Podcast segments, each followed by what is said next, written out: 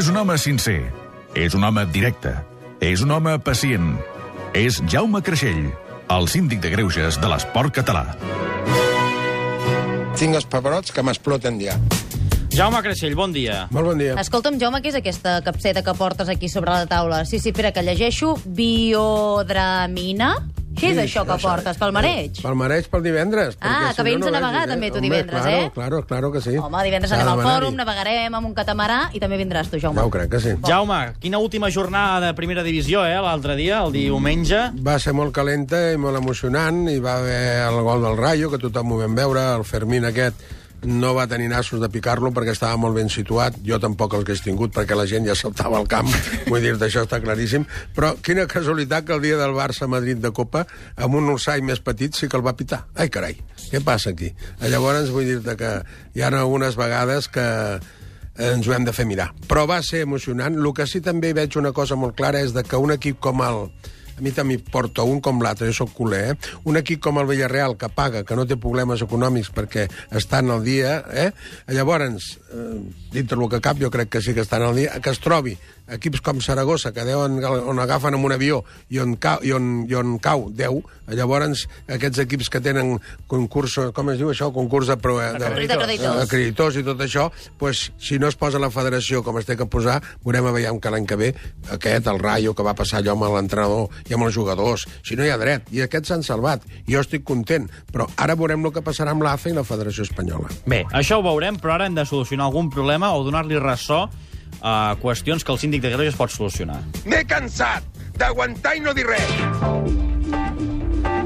Va, consultes dels oients. En rebem a través de correu punt arroba catradio.cat. Per exemple, aquesta, Jaume, Per escolta bé, exemple. eh? La penya atlètica Apanemis queixa d'això, de la situació de la pista d'atletisme d'Arenys de Mar. Què va passar? Doncs que fa mig any hi va haver una esllavissada i ara, atenció, hi ha un esborang d'uns dos metres en un revolt que es menja mitja pista i que encara no l'han arreglat. Què passa? Que la pista és de l'Ajuntament, però els terrenys on hi va haver l'esllavissada no, i no s'acaben de posar d'acord. En parlem amb el president de la penya Panemi, que és en Zenon Tomàs, que està una mica indignat. Zanon, bon dia. Hola, bon dia. Escolta, això és perillós, no? Perquè us, feu, us pot fer mal algú o no? Sí, sí, de fet, doncs, a l'esborant que està dos metres a dintre la pista on te corren, lògicament, doncs, eh, nosaltres hem posat unes tanques de protecció, s'ha posat, doncs, eh, sorra, doncs, per desviar les aigües, eh, quan tenim en els nanos allà ja els tenim mentalitzats que perquè aquella zona no es passa, però aquesta pista la fan servir, doncs, altres entitats. Aleshores, o que entri algun furtiu, diguem-ho així, a dintre, que a vegades ens passa, i allò, doncs, es pot esllavissar, i a més a més amb el perill que si tenim un altre episodi de pluixes, doncs s'enfonsarà molt més. És a dir, unes instal·lacions que no són aptes per poder-hi entrenar amb comoditat i amb seguretat.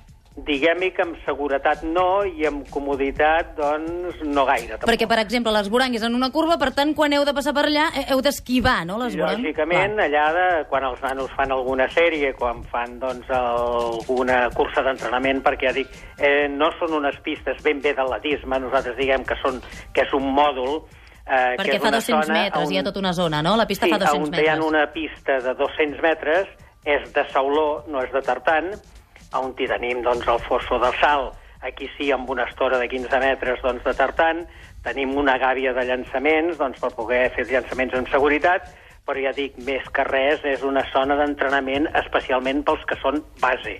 Els més grans ja tenen que anar fora. Però, és clar... Eh, Sí, són nens, són nens. Els que venen aquí són nens, bàsicament. I els tens que portar molt controlats. Jaume. Mentre nosaltres els portem controlats. No hi ha problemes, quan es descontrola el cul hi pot haver problemes. Tomàs, sóc el Jaume, què tal, com estàs? Hola, bon Sí, dia. hola, bon Hola, dia. bon dia, sóc el Jaume. Eh? Escolta'm una cosa, mira, eh, m'has tocat el vora viu. Tots els ajuntaments i totes les coses, quan hi han criatures que estan fent esports, que s'ho treguin de posar fotos quan fan propaganda perquè els votin, que s'ho treguin de posar el que sigui. Tota tot nen que faci de port se l'ha d'apoyar amb, eh, amb tot el que sigui. Llavors això que es posi en contacte amb l'empresa que, que hi havia allò i que l'Ajuntament, jo crec que ara tenen moltes retallades i els hi costa, no? Ja ho sabem, però tenen d'arribar a un acord tot el que sigui per fer de port es té que fer. Però saps què passa? Que aquí, ara perquè hi ha els retalls, ja no hi ha esports, no hi ha res.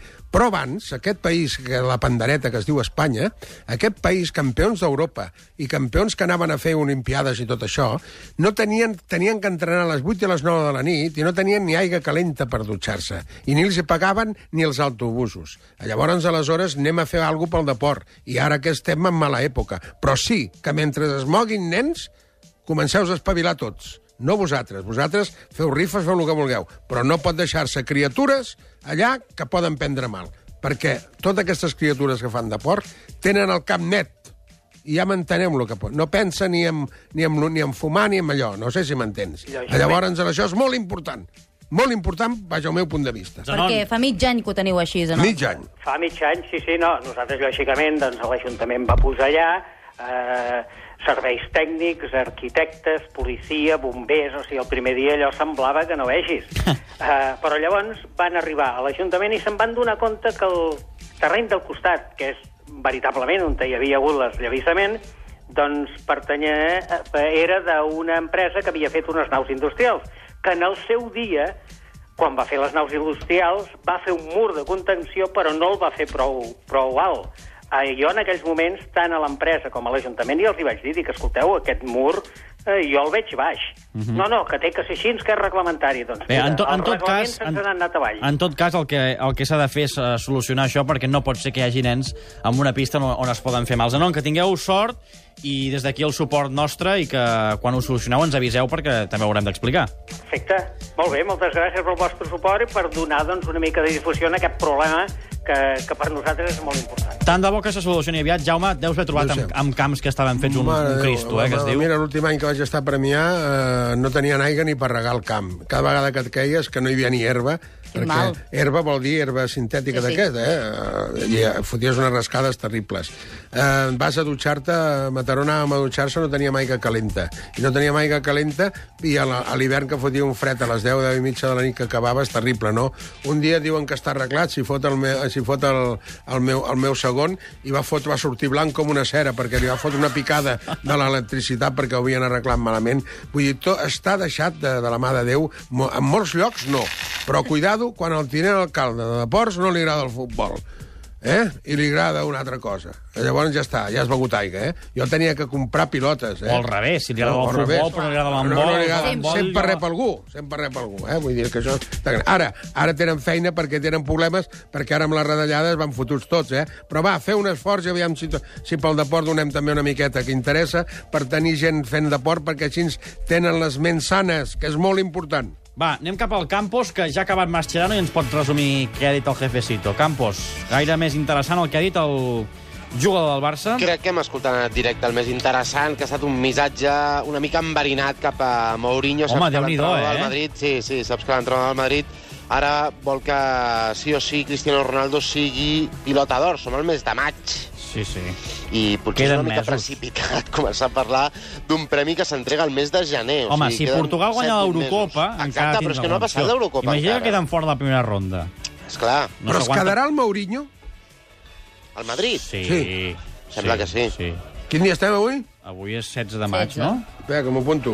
Vale, seguim. Ja hem sentit que Mascherano deia que, que a Mourinho i al Madrid l'any passat sí que es valorava els 42 gols de Cristiano Ronaldo i aquest any sembla que els 50 de Messi no valen per res.